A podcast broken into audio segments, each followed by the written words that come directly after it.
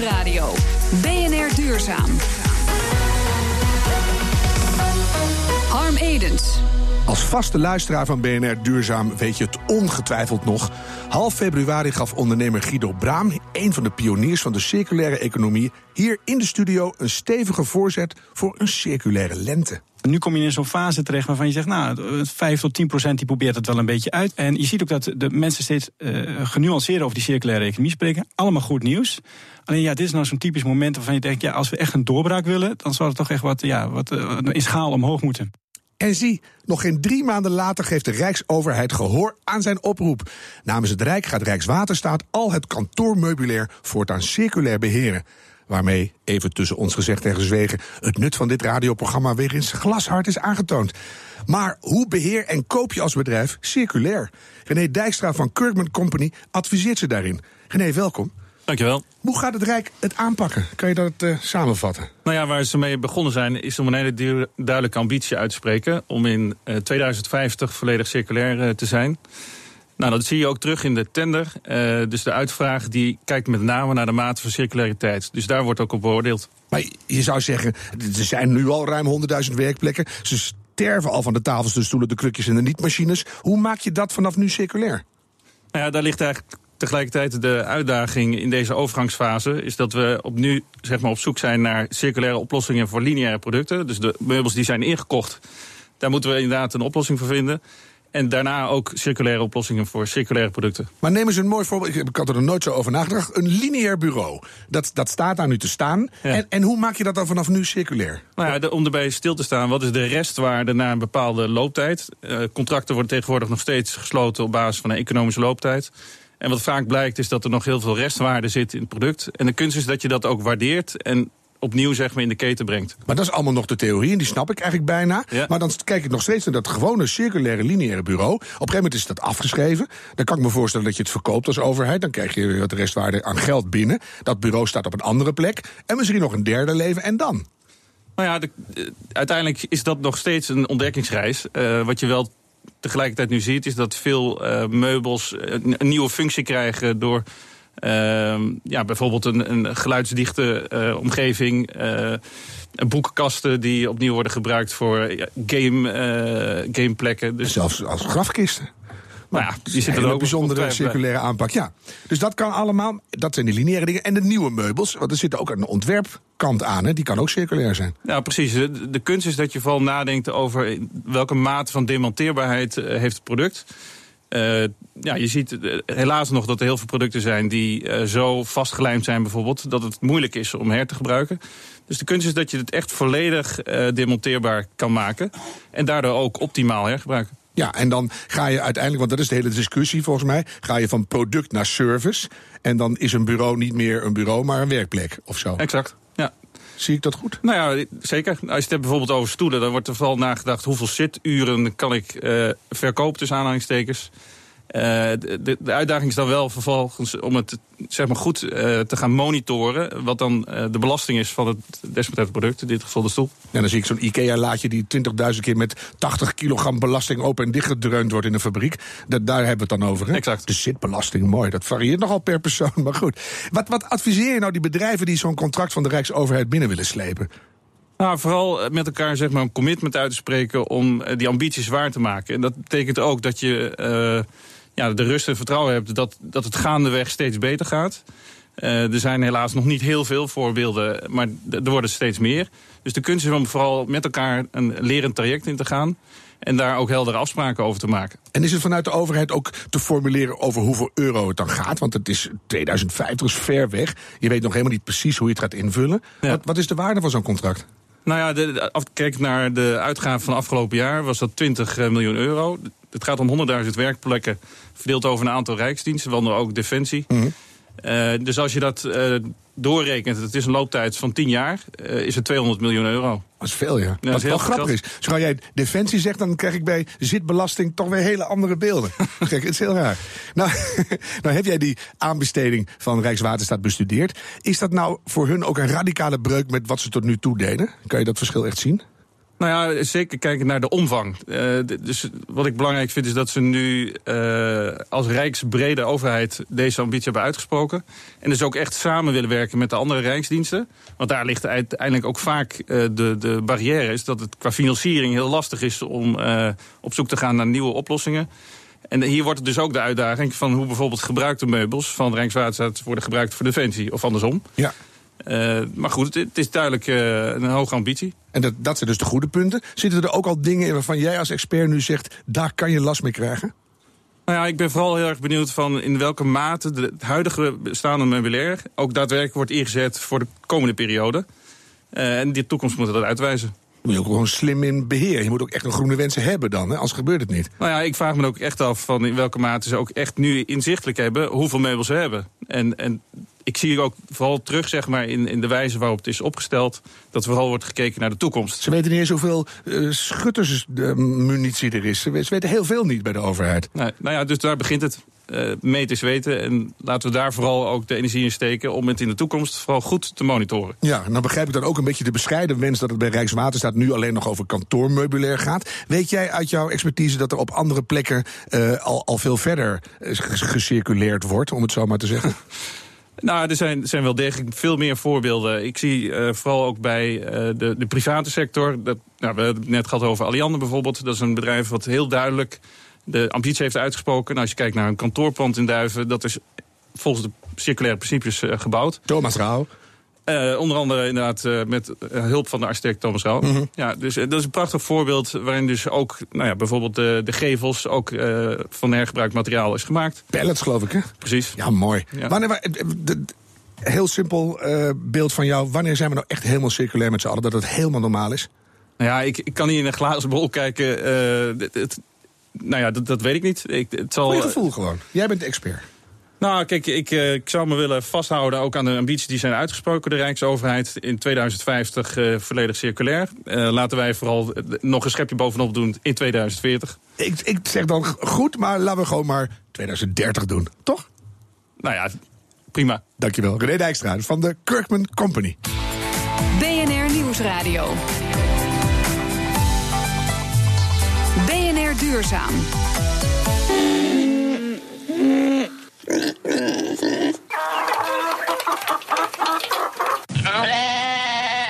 Oh ja, en natuurlijk ook. De lama's en de alpaca's. U hoort het al, we gaan het hebben over de veestapel. Verantwoordelijk voor dik 10% van de Nederlandse uitstoot van broeikasgassen. En ze maken natuurlijk ook nog eens gebruik van grondstoffen als water, land en fossiele brandstoffen. En ook hier zijn ze bezig met een groene bedrijfsvoering. Tenminste, dat willen ze graag. Maar hoe kan je nou zien hoe duurzaam een boerenbedrijf is? Een interessant wetenschappelijk probleem, dacht Evelien de Olde van Wageningen University. Laat ik daar eens op promoveren. En, en daarom is hij hier, Evelien. Welkom. Ja, dank je. Zullen we bij het begin beginnen? Zijn die boeren nou echt geïnteresseerd zo langzamerhand in duurzame bedrijfsvoering? Ja, dat zie je zeker. Uh, boeren hebben zeker interesse in, uh, in duurzaamheid. Want uiteindelijk gaat duurzaamheid natuurlijk niet alleen maar om economie, maar ook om sociale factoren en om milieu.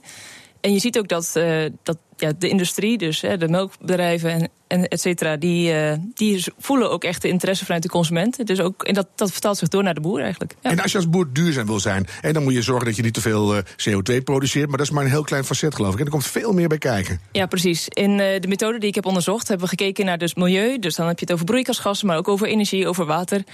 Um, over economie en ook over de sociale factoren. Dus over arbeidsomstandigheden, over wat doet de boer voor zijn omgeving. Dierenwelzijn. Dierenwelzijn, ja. Pesticiden. Oh, ja, het, ja. het, is heel veel. Het is heel erg veel, ja. Wiens idee was dat om dat te gaan onderzoeken? Kwam dat echt uit de landbouwwereld, dat ze jou smekend aankeken? Of hebben jullie het zelf bedacht?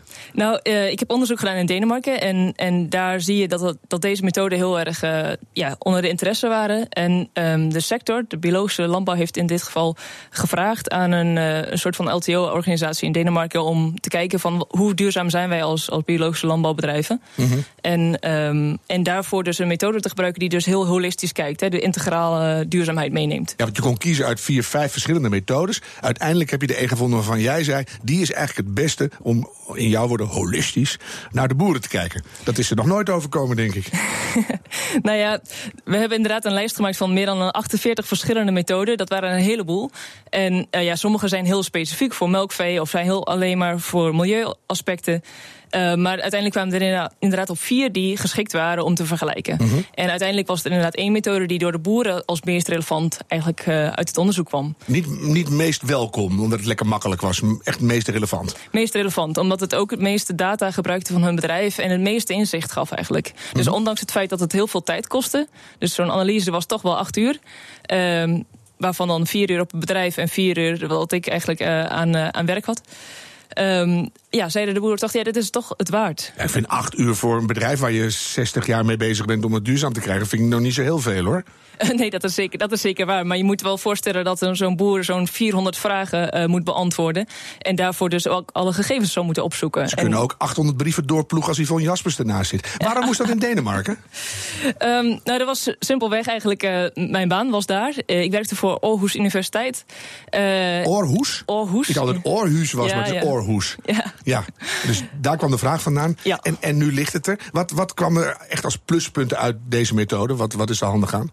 Nou ja, wat je ziet is dat deze methode echt heel veel inzicht geeft in een, een tiental verschillende thema's. En dat uh, boeren dus echt inzicht krijgen van nou ja, hoe, hoe doe ik het op al die thema's? Wat, wat is groen? Dus hè, wat, wat, is, wat is plus? Wat is, wat is in het rood? Waar kan ik mezelf in ontwikkelen? Mhm. Mm -hmm. um, en dat het ook dus inzicht geeft in de complexiteit. Dus dat als je aan één dingetje gaat draaien, dan verandert er op allerlei punten verandert iets. En dat, dat maakt het heel moeilijk om dus als boer iets te veranderen. Maar dat je dus inzicht geeft in die complexiteit van een boerenbedrijf, dat is uh, echt een meerwaarde. Ook ja. fijn voor die boeren. Dat ze eigenlijk eens een beetje niet als, als alleen maar koeienpoepproducenten gezien worden, maar ook als een complex bedrijf. Ja, absoluut. En dat is ook denk ik daar heel, heel terecht. Ja. ja, komen er harde conclusies uit? Dat je zegt, dit moeten we gaan doen, boeren? Um, nee, er komen uiteindelijk geen harde conclusies uit. Want het is nog heel belangrijk om. Ja, je hebt zo'n analyse, maar dan. En die vervolgstap, dat is echt nog een stap waar veel meer aandacht naar moet uh, worden besteed. Mhm. Mm -hmm. Maar ook zien we dat dus de, de methode zelf heel erg veel uh, waardeoordelen bevat. En dat, het is dus helemaal niet zo heel erg zwart-wit. Wat is nou duurzaam? En dat is nog wel echt een, een aandachtspunt. En dat geldt eigenlijk voor alle methoden. Kan je één voorbeeld geven van waarvan je normaal zou zeggen dat is duurzaam, maar als je anders kijkt, helemaal niet? Nou ja, een, een voorbeeld is bijvoorbeeld uh, water, waterbeschikbaarheid. Als je in Nederland kijkt of in Denemarken, dan is er voldoende water. Maar ja, als ik dan met een boer in gesprek ga over ja, wat is de waterbeschikbaarheid uh, op mondiaal niveau, ja, dan is het echt toch wel een issue waar zij ook rekening mee moeten houden. Ja, dus en dat per is dus, gebied ook kiezen welke test je gebruikt. Precies, ja. ja. En dat is heel belangrijk. En dat is dus wel heel leuk om met een boer daarover in gesprek te gaan. Want dan realiseert hij zich ineens van, oh hey, verhup, um, dat is toch wel degelijk een issue. Ja. Dus, ja. Wat gaat de LTO doen met je onderzoek? Gaan ze nu uh, echt gebruiken? Ja, zeker. Um, dus wat we nu zien is dat, dat met name de methodeontwikkelaars... die zijn, hebben heel veel interesse in deze methode, of in, in dit onderzoek. Want die kunnen dus echt aan de slag met... wat vinden boeren nou van de methode en waarom? Dus waarom wordt mijn methode wel of niet gebruikt? Nou ja, dat, dat geeft natuurlijk lessen, inzicht. En dat kunnen ze natuurlijk nu gaan gebruiken. Ja. En ja, ik hoop hier zelf natuurlijk ook mee verder te gaan. Dus. Ik hoop dat ook, want het leuke is... als we het in dit programma zeggen, dan gebeurt het vaak ook. Nou, dat is heel mooi. Ik ga je dat... enorm bedanken. Evelien de Older van Wageningen University. Zometeen een BNR Duurzaam. Eindelijk hoop voor Noord-Nederland met een toekomst boordevol waterstof. BNR Nieuwsradio. BNR Duurzaam. Als je bij Groningen nog steeds denkt aan Via Buurzen... Ik kom van ik kom van Smoeten, ik kom van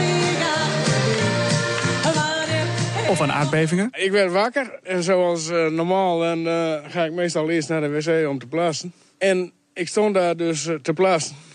En toen, uh, ja, dan ging het behoorlijk heen en weer. En ik moest toch uh, even goed richten om alles in het midden te krijgen. Dan wordt het echt tijd om je gedachten over de provincie opnieuw bij te stellen. De drie noordelijke provincies lopen stiekem voorop in een ontwikkeling waarin aardgas nu eens niet de hoofdrol speelt. De grote oliebedrijven Shell en Total gaan met autofabrikanten als Toyota en BMW samenwerken om waterstof de brandstof van de toekomst te maken. Ze doen dat om de doelstellingen van het klimaatakkoord van Parijs te halen. Ja, van waterstof wordt natuurlijk al lang veel verwacht. En toch is het nog geen hoogvlieger. Sterker, het gaat niet hard met de waterstofeconomie. Ja, er werd jaren geleden groot op ingezet, maar de kans dat je er eentje tegenkomt op de weg is minimaal. De waterstofbus. Vandaag presenteert vervoerder Qbus twee van dit soort type bussen en die gaan rijden in de provincie Groningen. En daarmee komt het totaal op 11. In Groningen hebben ze er al ervaring mee dus, met waterstof. Maar nu aardgas uit de gratie raakt, moet dat allemaal sneller. Want waterstof zou wel eens de redding kunnen zijn voor de drie noordelijke provincies. Dat zegt de Noordelijke Innovation Board. Binnenkort presenteren ze hun uitvoeringsplan. En dat plan is grotendeels bedacht door Ad van Wijk, hoogleraar toekomstige energiesystemen van de TU Delft. En ik mag Ad zeggen, dus ik zeg Ad, welkom. Zullen we even naar, die, eh, naar dat plan kijken? Als we naar de hele energietransitie kijken. Fossiel eruit, renewables erin, om het maar eens even internationaal te zeggen. Hoeveel procent van de nieuwe energie in jouw optiek wordt dan waterstof? Ehm, nou, laat ik eerst even zeggen wat waterstofeconomie eigenlijk is. Als dat was de eh, begrip, volgende vraag. Oh, Maar dat is de ja, volgende vraag. Ik denk laten we eerst even zeggen hoe En, belangrijk het is, maar ga je gang. En eh, dan zie je eigenlijk dat je, eh, de waterstofeconomie is eigenlijk de vervanger van de fossiele brandstoffen. De, zeg maar de koolstofeconomie die we nu kennen. En wat je dan ziet is dat je vervangt eigenlijk alle bronnen, energiebronnen, olie, gas, kolen, door elektriciteit, wat je maakt uit zon, wind, waterkracht, geothermie enzovoort, en waterstof. En waarom nou waterstof? Dat komt eigenlijk omdat je nu ziet dat in de wereld die elektriciteit, opwekking met zon, wind, waterkracht, zeer goedkoop wordt. Als je bijvoorbeeld nu in Australië een gebied zo groot als anderhalf keer eh, Duitsland bekijkt, dan kun je daar zonne-energie eh, opwekken voor 2 dollarcent per kilowattuur. Ja. Maar er woont niemand. Nee. En hoe slaan we En- dat dan weer op? En hoe breng je dat dan eigenlijk naar Europa of Mhm. naar eh, Amerika of naar waar je het ook wil gebruiken? En daar komt eigenlijk die waterstof om de hoek kijken. Dan maak je van die zonne-energie met een bak water, stop je daar elektriciteit in en dan heb je waterstof en zuurstof. Die waterstof dit sla je op of dan maak je vloeibaar, dat stop je in een schip. En dat vaar je dan naar, naar de plek waar je dat wel wil gebruiken. En tegen die kostprijs is dat allemaal lonend. En tegen, als je voor 2, 3 dollar cent per kilowattuur, dan heb je een interessante business case. Mhm. En, en nou kijken we naar Noord-Groningen. Ja. Eh, eerst zou je zeggen, waterstof is niet per se groen. Dat het is ouderwetse chemische aardgas, waterstof. Maar nu maak je hem helemaal groen vanuit solar en, en wind. Wat, wat, waarom moet dat nou specifiek in het noorden uitkomen? Nou, wat je in het noorden nu ziet, is dat zij heel veel windontwikkelingen hebben, ook al op land. Maar ook op zee. Hè, dus het eerste park, Gemini eh, Windpark, dat wordt nu aangesloten. Maar ze hebben ook de kabel naar Noorwegen, waar ze waterkracht voor naar eh, Nederland eh, transporteren. Dan zie je dat er op dit moment al, hè, met de fossiele productie nog, maar in de toekomst met wind op zee, zoveel elektriciteit van de zee komt en van de duurzame bronnen, dat die kabel het land in is eigenlijk te klein. Nou, dan kan je twee dingen doen. Dan kan je die kabel uitbreiden. Dat zullen we ook voor een stuk moeten doen. Ja. Maar het andere stuk ga je eigenlijk omzetten in eh, waterstof. Want wat begint er nou ook in Groningen? Eh, dat is het aardgasnetwerk. En je kan in feite dat aardgasnetwerk ombouwen. Veel goedkoper dan het eh, bouwen van elektriciteitsleidingen. naar het transporteren van waterstof. Dus je kan door de oude gasleidingen waterstof. Door de oude gasleidingen dan moet Vervoeren. je natuurlijk wel een aantal dingen aan aanpassen. Klinkt explosief. Nee, het is niet explosief. Dat het is is, niet zo. hetzelfde als aardgas. Het is ook niet giftig of zoiets. Het is brandbaar. Oh, dat dan nog wel, ja. Maar, precies, dat is niet maar zo niet, erg. Maar Nee. niet zoals je. Het, het is hetzelfde soort gas als wat je nu aardgas noemt. Mhm. Alleen het heet waterstofgas. En als we daar nou even op doorgaan, wat kunnen we verder allemaal nog met waterstof? Want we willen de auto's op gaan rijden. Dat, Ja. Tot nu toe lukt dat nog helemaal niet zo goed. Hè? Nou, Waar- waarom gaat dat nou wel lukken in de toekomst? Nou, allereerst gebruik je waterstof in de chemie. Want we, maak, we produceren al heel veel eh, waterstof Hmm. voor, de, voor de chemische sector. Dus kunstmest bijvoorbeeld, dat is ammoniak en sulfaat. En dat ammoniak, dat maak je eigenlijk door eerst aardgas nu om te zetten in waterstof... en vervolgens daar ammoniak van te maken. meer moleculen aan te hangen. En Ja. dan heb je ja, ammoniak. En dat geldt voor een hele hoop producten. Dus er is al een grote markt voor waterstof. En dat is ook de eerste markt die je moet gaan bedienen. Want daar kan je ook concurreren met de prijs van dat eh, fossiele waterstof. Daar verduurzaam je hem. Ja. Dus dan heb je de, de infrastructuur liggen, zeg maar. Ja. Wanneer gaan die auto's er nou echt eens op rijden? Want er zijn elf bussen in, in het land. Ja, maar dat is natuurlijk wel een, eh, typische Nederlandse eh, idee dat dat waterstof niet een, een, een, een doorbraak maakt. Bijvoorbeeld op dit moment worden in Duitsland 400 tankstations waterstof gebouwd tot 2023. Eh, met een consortium, wat, eh, wat ook al eh, net gezegd werd, van Shell, Total, Mercedes, BMW. Daar zie je dat in 2021 is de verwachting die industrie met die waterstof. brandstofcelauto's op de markt komt. Ook voor personenauto's. Voor personenauto's, maar ook voor bussen. En wat bijvoorbeeld nu ook, ook heel interessant is, is treinen. Dus als je naar treinen kijkt, ook in het noorden, 50 dieseltreinen, diesel-elektrische treinen. Wat moet je daar doen? We kunnen een bovenleidingen neerleggen, kost 600 miljoen. Of je kan die treinen eigenlijk op waterstof laten rijden. En boten en vliegen, kan dat ook? Boten, eh, dat is de volgende. En vliegen is de- daarna. Maar dat zou echt kunnen. Ja, natuurlijk. Want dat doen we graag in dit programma. We zijn heel kort, maar we hebben altijd graag een hele brede scope aan hoop. Neem, willen we neem, bijvoorbeeld, neem bijvoorbeeld drones. Hè, een nieuwe techniek. Als je met drones pakketjes wil gaan vervoeren, dat ga je niet met batterijen doen. Dat ga je met een brandstofcel en waterstof doen. Hè, fijn nou weer. Hè? Dit vind ik nou weer eh, een gelukmakend bericht, meneer Van Wijk. Ad. Ehm, nou, nou zitten we met een doorbraak. We zitten eh, in Groningen. Ehm, nou hebben eh, jullie dat, de, de haalbaarheid van dat plan onderzocht. Wanneer zou je nou kunnen zeggen, dat gaat echt lukken? Wat gaat het kosten en wie gaat het doen? Ehm, dit is eigenlijk waar eh, je wil op grote schaal eigenlijk in de Eemshaven, om het heel precies te zeggen, een electrolyzer bouwen, want daar komen die kabels binnen. En dat in het gasnet stoppen. Nou, zo'n investering voor 1000 megawatt aan electrolyzer, dan zit je tussen de 500 en de miljoen en de miljard. Dat is eigenlijk een investering die bedrijven moeten doen. Simpel gezegd, eh, de olie- en gasbedrijven, de elektriciteitsbedrijven, eh, de speciale gassenbedrijven zoals eh, Linde en Air Liquide. Lijkt mij heel goed te doen. Wat is, wat de te laatste hobbel die genomen moet worden? Nou, het is wel iets wat je gecoördineerd moet doen. Want je kunt wel waterstof maken, maar als die gaspijpleiding niet is omgebouwd, dan heb je niks. Dus dit is iets wat je gemeenschappelijk, ook met overheden, want die moeten bijvoorbeeld de vergunningen. Kijk, GasUnie mag nu geen eh, waterstof in zijn pijpleidingen vervoeren. Dus Dat- de dat moet overheid veranderd worden. moet dat veranderen. En dat gaat snel gebeuren wat jou betreft? Wat, wat mij betreft eh, spreken wij er dit jaar nog over en eh, gaat de spa de grond in volgend jaar. Dan zijn we daar ook uit. Wat een, wat een constructief programma. Dankjewel, Ad van Wijk van de TU in Delft. BNR Nieuwsradio. BNR Duurzaam. Harm Edens. Ja, rest mij nog één. Laatste vraag. Die gaat deze week over kleding. Hoe kun je als individuele kle- kledingproducent meewerken aan een groenere wereld? In een branche die na de ramp in Bangladesh beloofde dat alles anders moest, maar tot nu toe nauwelijks veranderde. Redacteur Paulien Sevuster leerde alles over chemische recycling. De kledingindustrie is een van de meest vervuilende. Ondernemer Anna van Puijenbroek wil deze sector een klein beetje schoner maken. Mijn bedrijf maakt werkkleding onder het merk Havep. En werkkleding moet je denken aan eh, overals en werkbroeken die voornamelijk gebruikt worden voor de bouw en, eh, en in de industrie. Deze werkkleding werd gerecycled op een mechanische manier. Dat gaf nogal wat kwaliteitsverlies. En dat vonden wij eigenlijk een beetje zonde, want duurzaamheid vinden we heel belangrijk. En eh, wij geloven ook echt in de circulaire economie en daar willen we heel graag aan meewerken. Dus onze vraag was, is er een proces te verzinnen waar je 100% gerecycleerd materiaal weer in een overal kunt gebruiken? Die vraag kwam terecht bij Gerrit Bouwhuis van de Saxion Hogeschool. En hij had een antwoord paraat. Chemische recycling. Hoe dat hergebruiken precies werkt?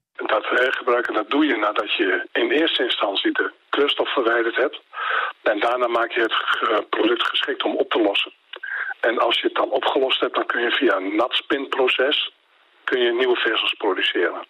Nieuwe vezels van oud katoen. De vraag is natuurlijk, zijn die wel even mooi en goed? De uitkomsten van het onderzoek is eh, dat de vezels eh, even goed, eh, zelfs sterker zijn dan, eh, dan katoen. En je hebt ook, het is ook een van de mooie uitkomsten, is dat je ook minder kleurstof nodig hebt om dezelfde kleurdiepte te realiseren. Sterkere vezels waar je minder kleurstof voor nodig hebt. Een win-win situatie. Maar kan je die overals daarna wel nog een keer recyclen? Dit proces kun je, uh, mits je maar een klein deel katoen bijmengt, kun je dit vrijwel eindeloos herhalen. Het vezels maken, dat is geen probleem. Dat hebben ze onder de knie op de Saxion Hogeschool. Maar om de vezels voor overals te gebruiken, moeten er nog wat tests gedaan worden. Kunnen wij uh, ook voor deze toepassing met zoveel minder kleurstoffen toe, door bijvoorbeeld niet alle kleurstof uit de oude overal te halen. Uh, als wij het materiaal geproduceerd hebben, dan gaan wij ook duurzaamheidstesten in de praktijk doen. Want dat is natuurlijk het belang van HAVEP. Inderdaad. En over het belang van HAVEP gesproken, wanneer komen die overals nou? Dus wij, zijn nu be bezig met de laatste fase van de voorbereiding van dit project. Uh, tot nu toe staan alle zijn op groen. Dat betekent dat wij over ongeveer een maand kunnen beginnen. En uh, dan zullen de eerste kledingstukken in de markt zijn ongeveer een jaar later. En dan hebben we daarna een jaar om alle uh, gebruikstesten uit te gaan voeren. Het totale project gaat twee jaar lopen. Nog even wachten dus. Anna van Puijbroek van HAVEP kijkt er naar uit. Ja, dan gaan we daar natuurlijk ook mee, mee aan de slag en kijken we hoe de markt erop reageert. Wij zijn er zelf heel enthousiast over, dus uh, ik hoop onze klant ook. Ja, ik krijg er nu ook wel zin in. Misschien is het wel tijd voor groene, gerecyclede, eetbare BNR bedrijfskleding. U kunt deze uitzending terugluisteren via bnr.nl of de BNR-app... of stream ons via iTunes of Spotify. Zometeen is Roos Abelman hier met BNR Spitsuur. Ik zeg, hou hoop en doe het duurzaam. Tot volgende week.